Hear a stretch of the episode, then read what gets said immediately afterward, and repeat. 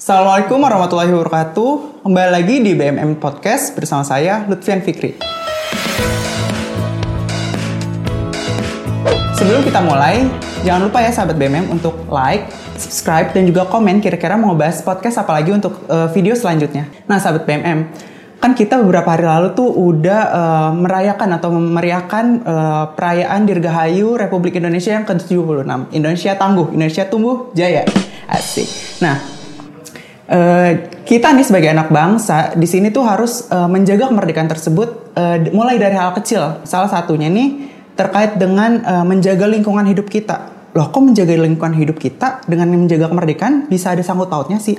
Nah, untuk menjawab ter, uh, terkait hal ini, kita udah kedatangan narasumber. Uh, beliau ini adalah sosok orang yang uh, inspiratif dan juga uh, menjadi panutan dan udah concern dalam bidang uh, lingkungan. Nah, uh, assalamualaikum Pak Darga Sultan. Waalaikumsalam. Gimana kabarnya Pak Darga hari ini? Alhamdulillah baik. Kan? Alhamdulillah ya.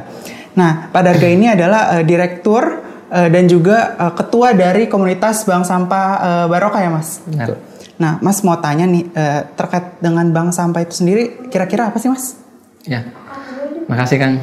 Untuk bank sampah sendiri yaitu suatu wadah masyarakat dalam memilah, memilih, mengumpulkan sampah itu yang memiliki nilai ekonomi itu untuk menjadi bahan baku industri ataupun diguna ulang oleh mereka uh, yang memiliki sampah tersebut. Nah, kira-kira uh, dari uh, kegiatan apa komunitas bank sampah ini ada manfaat yang dihasilkan gak sih untuk masyarakat sih? Manfaatnya banyak ya. Hmm. Itu yang pertama pastinya masyarakat teredukasi bagaimana mereka cara memilah sampah, menjaga lingkungan gitu. Dari segi uh, edukasinya gitu kan.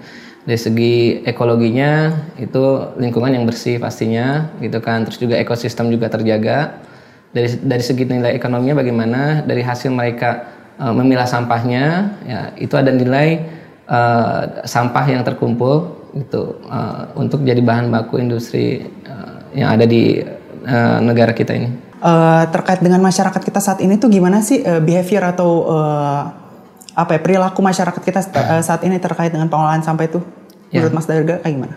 Masih sebagian masih masyarakat kita masih belum ini ya belum belum memiliki apa namanya masih sedikit memiliki kesadaran untuk memilah sampahnya gitu karena uh, sedikit sekali uh, edukasi yang tersampaikan kepada mereka gitu nah itu yang uh, saat ini masih menjadi PR bersama ya gitu baik kami komunitas pemerintah atau pihak swasta gitu untuk terus uh, mendampingi masyarakat mengedukasi masyarakat terutama pilah sampah dari sumber gitu. Dari sumbernya apa?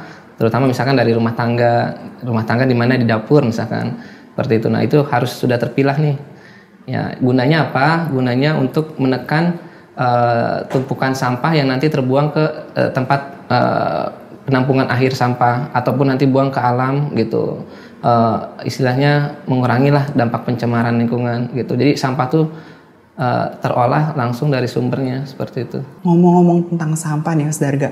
Jadi beberapa uh, waktu lalu tuh aku ngeliat di uh, media online. Jadi di salah satu media online itu dijelaskan bahwa sampah di Indonesia itu tiap tahunnya itu uh, bertambah. Jadi Indonesia itu berkontribusi terhadap sampah. Nah, di tahun 2020 itu Indonesia uh, aku baca itu berkontribusi pada sampah kira-kira kurang lebih itu 67,8 ton.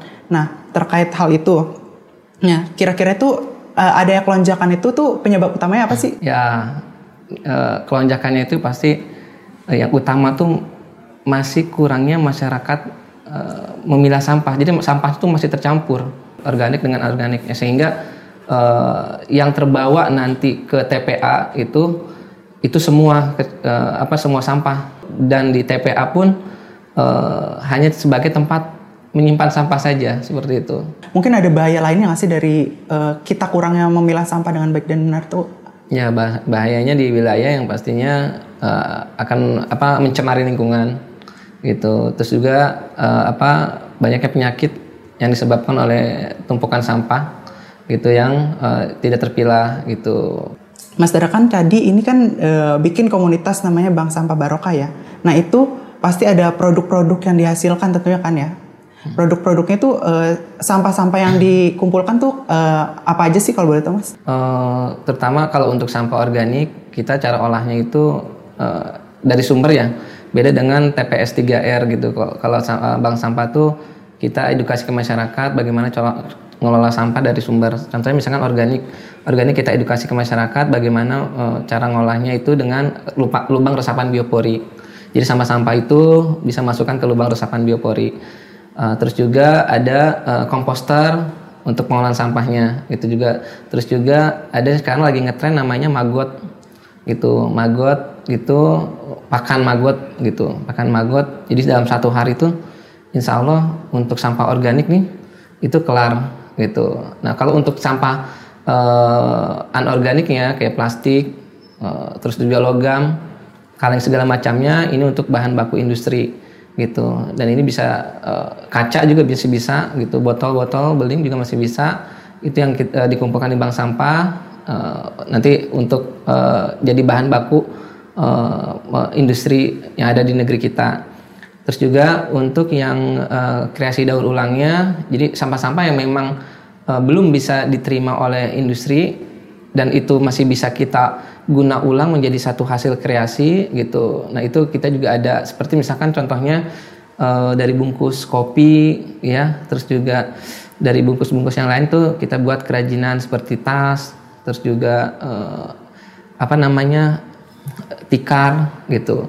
Kalau untuk uh, bahan-bahan kaos seperti ini kaos-kaos bekas itu kita buat kalau di kota kami itu kekeset kekeset ya terus juga cempal cempal tuh apa ya yang buat ini nahan panas lah kalau kita mau ngangkat oh, sesuatu ya. gitu nah itu jadi produk-produknya sebenarnya di bank sampah tuh bisa masuk ke mana aja ya gitu jadi selain masuk ke dunia industri ya di industri kita bisa masuk juga ke uh, dinas uh, pariwisata, perdagangan, pertanian, hasil produk dari bank sampah nih gitu. Manfaatnya banyak sih seperti itu. Ah, jadi uh, banyak banget tadi hasil kreasinya ya dari sampah-sampah ini. Nah, kalau dari sampahnya sendiri yang paling banyak yang biasanya masuk ke bank sampah Baroka tuh apa Mas kalau boleh tahu? Uh, Jenis sampah-sampahnya. Sampahnya plastik, kertas, terus jelantah, organik juga banyak karena kan hampir 60% sampah rumah tangga uh, kami kebanyak kegiatan kami itu kebanyakan sampahnya dari rumah tangga bukan dari industri gitu. Karena memang uh, uh, nasabah kami itu masyarakat gitu bukan uh, industrial gitu. Kok industrial mungkin ada teman-teman yang lain. Kenapa kita ke larinya ke masyarakat? Karena langsung dari sumber nih masyarakat kita nih langsung dari akarnya lah dari bawahnya gitu. Ya itu yang kita akan akan terus dampingi mereka gitu. Untuk organiknya banyak, untuk sampah e, lainnya kayak plastik segala macam juga lumayan sih gitu. Kami mendampingi di dua tempat saja gitu, belum se e, lingkup kota gitu. Kan tadi dijelaskan sama Mas Darga itu ada e, bio biopori ya, biopori, biopori uh, budidaya maggot sama komposter. Komposter. Nah mungkin bisa dijelaskan nih sahabat BM juga masih uh, bingung sebenarnya itu apa sih tiga poin itu? Ya, yang pertama uh, komposter, eh, biopori, lubang resapan biopori. Sebenarnya tujuan dari pembuatannya itu untuk uh, resapan air, gitu. Jadi air-air uh, yang selama ini terbuang percuma, nah itu masuk ke lubang resapan biopori, gitu. Ter, uh, selain itu juga resapan biopori juga itu uh, di uh, kegunaannya juga bisa untuk uh, mengolah sampah rumah tangga. Nah, lubang resapan biopori ini sejenis lubang yang dalamnya itu sekitar 100 meter, eh, 100 cm gitu atau 1 meter bahasanya gitu kedalamannya. Terus untuk apa namanya diameter lubangnya itu sekitar uh, 10 sampai 20 cm gitu. Jadi sampah-sampah yang sampah skala rumah tangga nih gitu sampah dapurnya bisa dimasukkan ke situ. Nanti hasilnya bisa jadi uh, pupuk alami. Atau kita bahasanya kalau mau sedekah bisa bahasanya kita sedekah lah ke alam gitu ya. Nah itu fungsinya gitu kan uh, lubang resapan biopori terus juga uh, budidaya maggot. Nah ini yang lagi ngetren nih budidaya maggot nih. Yang sekarang hampir setiap daerah tuh ada gitu ya. Uh, budidaya maggot itu uh, berasal dari uh, indukannya uh, apa BSF BSF tuh Black uh, Soldier Fly atau tentara hitam apa terbang gitu lah. Gitu. Nanti teman-teman bisa uh, cek di ini ya gitu. Nah itu nanti uh, larvanya atau telurnya nanti uh, setelah jadi telur terus jadi larva. Nah larvanya ini yang akan mengurai makanan uh, organik itu. Itu dan ini beda dengan uh, lalat hitam ini beda dengan lalat-lalat yang lainnya gitu. Dan ini uh, apa namanya bersih gitu ya, ya untuk untuk uh, hasilnya gitu beda kalau bahasanya magot magot tuh bahasa ngetrennya hmm. kalau bahasa orang ini mah bilatung gitu tahu bilatung? Bilatung ya? Bilatung. Apa ya bahasa Indonesia? Bilatung. Nah ya bilatung. Nah magot tuh bilatung. Tapi bilatungnya ini bukan bilatung yang pada ada di tempat sampah-sampah. Itu bukan gitu. Dan mereka tidak memakan makanan yang memang uh, di tempat-tempat yang kotor gitu gitu. Jadi uh, untuk sampah organik rumah tangga itu bisa mas, uh, bisa diolah oleh uh, maggot tersebut dan hasilnya itu uh, masya Allah ya cepat sekali gitu. Jadi uh, satu hari 100 kilo tuh sampah selesai oleh maggot itu. Nah hasilnya juga lebih uh, dalam segi, segi ekonomi lebih menggiurkan. Karena apa? Dari maggotnya juga bisa ada harganya. Terus dari hasil uh, penguraian sampah dia, kasgotnya juga ada gitu. Terus uh, kita kalau misalkan bibitnya aja itu dihitung per gram, kayak emas aja per gram. Per gramnya itu mungkin bibit paling mahal kali ya, gitu. 5 sampai sepuluh ribu per gram, gitu. Untuk sampah uh, organik, insya Allah kelar dengan maggot. Terus untuk komposter, komposter ya sejenis uh, drum gitu. Jadi sampah-sampah itu bisa masukin ke drum nanti bisa diolah juga dengan bahan fermentasi lainnya gitu. Oh, nah tuh. Nah, aku tuh penasaran banget tadi kan Mas uh, Darga bilang katanya kebanyakan tuh uh, salah satunya sampah itu kan berasal dari warga sekitar dari domestik rumah tangga ya betul ya Mas. Hmm. Nah, itu kira-kira kan nanti uh, sampah yang masuk tuh kan dikirimin ke Mas Darga ke Bank Sampah Barokah kan. Nah, itu nanti dijualin ke lingkungan sekitar kah atau udah keluar gitu Mas? kalau terkait yeah. dengan penjualan sampah-sampah itu uh, sendiri? Ya, kalau untuk penjualan sampah pastinya kita uh, kebutuhannya untuk bahan baku industri ya, gitu. Jadi nggak sembarang um, mitra gitu kita buang sampah, uh, buang hasil dari pengumpulan sampah dari masyarakat. Yang pasti uh, sampah tuh harus ujungnya tuh ke industri untuk jadi bahan baku gitu. Dan ada istilahnya ada MOU juga ke kami. Karena masyarakat juga agak kritis ya gitu kan. Ini sampah yang kita hasilkan ini larinya ke mana? Dan untuk apa contoh misalkan kayak e, jelantah misalkan. Jelantah dikumpulkan dari masyarakat. Masyarakat khawatir jelantah ini disalahgunakan dijernihkan ya kan? Terus dijual lagi gitu. Nah itu yang kita akan edukasi ke masyarakat gitu kan? Bahwa jelantah tersebut yang pasti untuk kesehatan tidak baik bu. Bisa kolesterol jantung segala macam. Dibuang ke alam juga merusak alam. Lebih baik dikumpulkan di kami di bank sampah. Hasilnya pengumpulan ada nilainya bu. Sekian rupiah buat ibu gitu. Karena sudah menjaga lingkungan ini gitu kan nah terus jelantahnya ke mana? Jelantahnya akan dibawa ke pihak pabrikan yang memang bertanggung jawab untuk hal ini. Nah dasarnya apa? Kita ada MOU bu gitu. MOU dan uh, antara kesepahaman antara pihak uh, pabrikan dengan kami. Salah satunya apa? Bahwa uh, ibu yang mengumpulkan ini tidak bertanggung jawab jika disalahgunakan gitu. Khawatir disalahgunakan kan mereka juga kena gitu. Terus yang kedua, hmm, uh, uh, pihak perusahaan menyatakan bahwa jelantah tersebut uh, bukan untuk dikonsumsi lagi, ya kan? Betul. Dikonsumsi manusia dalam arti dijernihkan segala macamnya, uh, gitu. Tapi untuk jadi bahan baku biosolar atau biodiesel seperti itu. Nah termasuk bahan, uh, termasuk jenis-jenis uh, sampah lainnya, gitu. Mas Darga nih aku mau nanya nih kan uh, ini kan tadi uh, sampah sampah-sampah itu kan dari masyarakat ya dari pokoknya dari masyarakat kan terus dikumpulin ke bank sampah kan nah itu atau cuman diku, uh, ada dikumpulin dari warga sekitar doang kah? Atau uh, bank sampah itu nerima dari luar juga? Uh, untuk bank sampah sendiri kan ini komunitas ya gitu. Komunitas yang memang di bawah naungan dinas lingku, uh, Kementerian Lingkungan Hidup gitu. Jadi dari Sabang sampai Maroke Insya Allah nih bank, bank sampah tuh ada gitu. Dari Aceh sampai Papua insya Allah ada bank sampah gitu untuk untuk uh, komunitasnya gitu.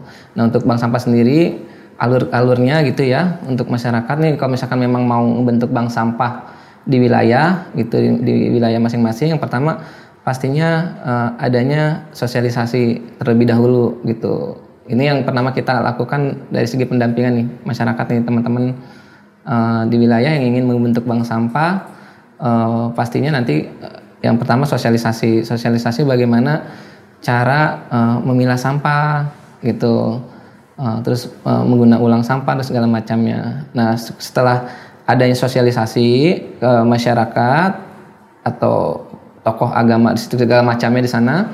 Ya, yang kedua itu eh, dibentuk kepengurusan. Nah, kepengurusan nih siapa nih ketuanya, sekretarisnya, bendaharanya gitu. Nah, nanti setelah ada kepengurusan lalu di SK-kan. SK itu surat keputusan. Nah, surat keputusan untuk tingkat wilayah eh, kelurahan atau desa atau RT atau RW itu umumnya dari uh, kelurahan gitu di, dikeluarkannya gitu untuk skala unit gitu ada bank sampah unit ada bank sampah induk kalau induk itu di tingkat kota lingkupnya sekota kalau unit itu biasanya di kelurahan dan segala macamnya nah setelah nanti adanya SK baru nanti tinggal uh, di ini ya dijadwalkan ke masyarakat. Ya masyarakat kan sudah ada kepengurusan sudah ada legalitasnya ya kan? Nah ini diinformasikan pada masyarakat uh, bahwa akan ada penimbangan di hari apa jam berapa gitu. Dari jam berapa sampai jam berapa gitu. Nah nanti masyarakat berbondong-bondong tuh datang ke satu tempat gitu. Kayak kita mau posyandu diinformasikan ya ibu-ibu bahwa hari ini ada posyandu. Nah begitu juga bank sampah.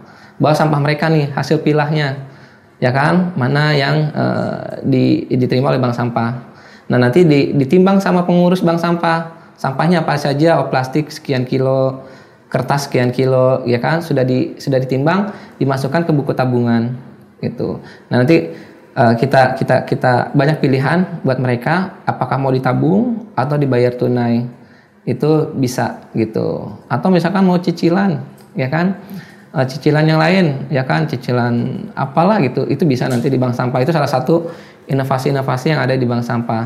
Nah setelah masuk buku tabungan tercatat ya kan? Nah sampah terkumpul nih ke pengurus ya kan? Pengurus bank sampah. Nah bank sampah pengurus bank sampah ini nanti ada pihak pabrikan atau supplier yang jemput sampah tersebut gitu. Nah nanti ditimbang ya kan ditimbang terus dibayar diangkut pada hari itu. Dan pada hari itu juga transaksi selesai. Transaksi selesai gimana? Dari masyarakat ke pengurus wilayah selesai. Nah dari pengurus ke supplier pabrikan atau pihak daur ulang juga selesai. Seperti itu alurnya alur kerjanya. Gitu. Tadi kan sempat ngebahas tentang uh, kita tuh bakal ada tabungan ya mas nah itu kira-kira tabungan yang uh, apa aja sih yang di uh, benefit atau apa yang kita dapat tuh apa aja sih tabungannya kalau boleh tahu mas? Ya ada tabungan berupa nilai uh, rupiah ya buat mereka gitu. Terus juga kita tawarkan semenarik mungkin. Jadi bank sampah ini kalau bisa jangan monoton ya. Maksudnya landai. Biasa gitu ya.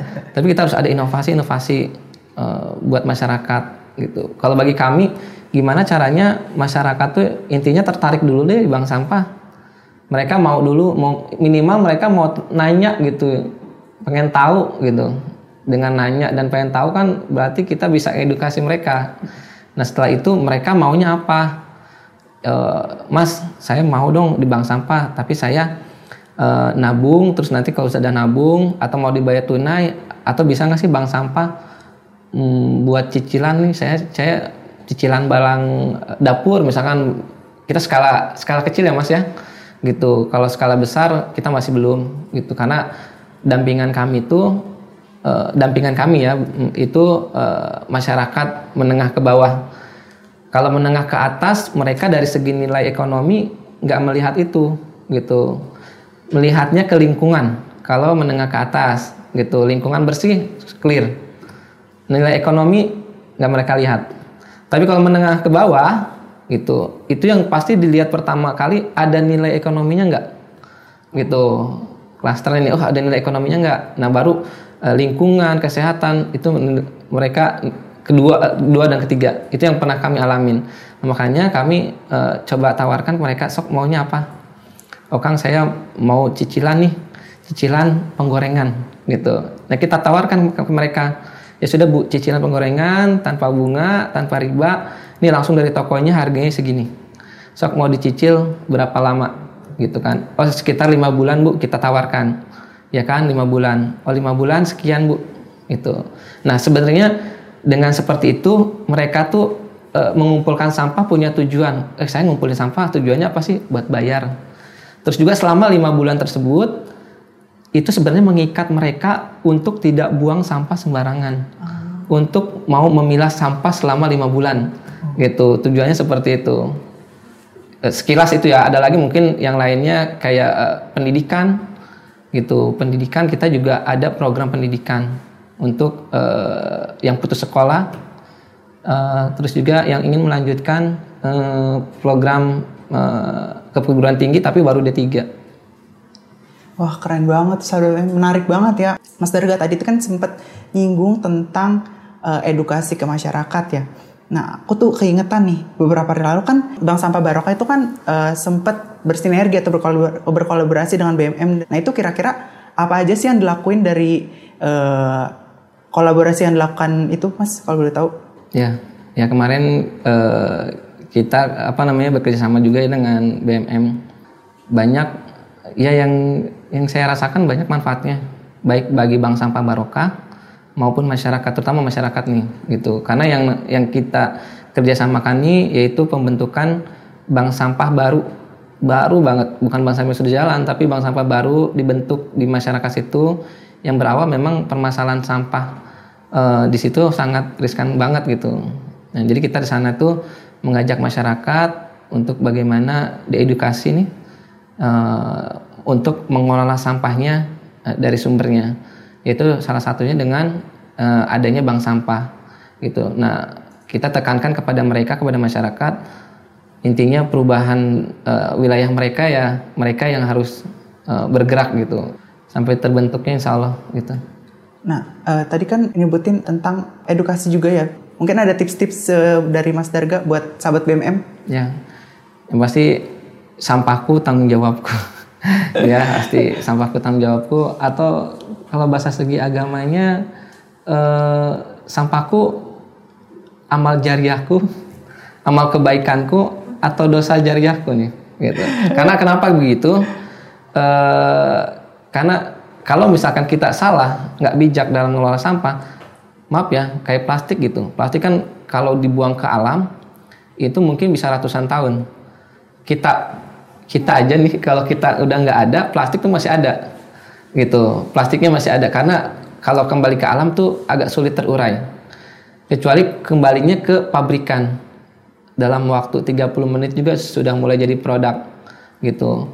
Nah ini yang akan kita tekankan masyarakat gitu. Nah untuk uh, tipsnya untuk masyarakat yang pasti untuk sampahnya tiga ya CPO namanya kita. CPO itu cegah. Cegah itu maksudnya seperti apa yuk kalau misalkan uh, kita belanja ya belanja ke pasar atau ke supermarket bawa kantong belanja gitu. Bawa kantong belanja sendiri gitu. Jangan uh, kita uh, beli plastik segala macamnya gitu. Cegah salah satunya. Terus juga cegah misalkan kita mau keluar uh, uh, keluar misalkan nah itu bawa tempat minum sendiri gitu ya. Apalagi sekarang kan lagi pandemi gini ya uh, untuk menjaga kesehatan lebih penting gitu. Bawa bawa apa namanya uh, peralatan sendirilah seperti itu. Cegah kita mencegah lebih baik daripada mengobati. Terus yang kedua uh, cegah CP-nya ini pilah nih gitu. Nah tadi udah dicegah dipilah nih ya kan? Nah pilah ini seperti apa? Nah ini pilah pilah sampah dari sumber. Sumbernya dari mana? Misalkan kita rumah tangga nih ya kan? Yuk dipilah yuk sampahnya. Pilahnya mana? Mana sampah organik mana yang harusnya kembali ke alam harus kembali, eh, yang mana yang berasal dari alam harus kembali ke alam. Itu organik ya. Terus juga anorganik nih yang mana yang berasal dari pabrikan harusnya kembali ke pabrik. Nah itu kita harus ada edukasi uh, cegah pilah gitu kan pilah nih harus berani memilah. Nah yang ketiga nih olah ya kan? Uh, sampahnya harus diolah. Olah mana? Mana yang harus diolah uh, uh, itu ke pabrik yang untuk mengolah jadi bahan baku dan mana memang harus diolah oleh kita sendiri. Contoh misalkan untuk organik nih, ya kan sampah yang uh, sayur segala macamnya atau dari alam kembali alam ke alam. Nah, ini kita olah gitu. Dan yang pabrikan biar pabrikan yang olah gitu. Jadi cegah, pilah dan olah dari sumbernya gitu. Nah, kalau misalkan tiga ini uh, kita sudah teredukasi, insya Allah sampah yang terbuang ke alam berkurang. Ke alam ini sebagian masyarakat kita masih buang ke sungai atau ke tempat uh, apa namanya rumah apa namanya yang lainnya ini ke alam atau ke TPA ya kan ke TPA akhir ini akan berkurang seperti itu. Nah, satu mm jadi aku mau narik uh, mau ngasih benang merahnya nih. Jadi kita harus tanamin dari diri kita tuh sebenarnya pemilihan sampah yang baik yang benar tuh uh, penting banget. Karena kalau nggak dari diri kita sendiri siapa lagi? Nah makanya dari sekarang tanamin ke diri kita uh, untuk uh, mengelola sampah dengan baik dan bijak supaya kita bisa menghasilkan selain manfaat untuk diri kita, nah manfaat yang dihasilkan juga untuk lingkungan hidup kita loh. Nah, uh, sebelum uh, aku akhiri nih, aku mau uh, ngingetin lagi ke sahabat BMM, jangan lupa ya untuk like, subscribe, dan juga komen. Kira-kira mau ngebahas podcast tentang apa lagi untuk video selanjutnya. Dan jangan lupa aku mau ngingetin juga nih, nggak kalah pentingnya, Jangan lupa nyalain notifikasi supaya kalian nggak ketinggalan video-video terbaru dari kita. Akhir kata, jangan lupa ya sahabat BMM untuk jaga kesehatan dan juga jaga lingkungan kita Nah, mumpung masih eh, bau-bau nih 17 Agustus nih, yang mana identik dengan menjaga kemerdekaan. Nah, menjaga lingkungan itu dan menjaga kesehatan kita sama aja kita menjaga kemerdekaan kita loh. Nah, Pak kami pamit undur diri. Uh, sampai bertemu di BMN Podcast selanjutnya. Wassalamualaikum warahmatullahi wabarakatuh.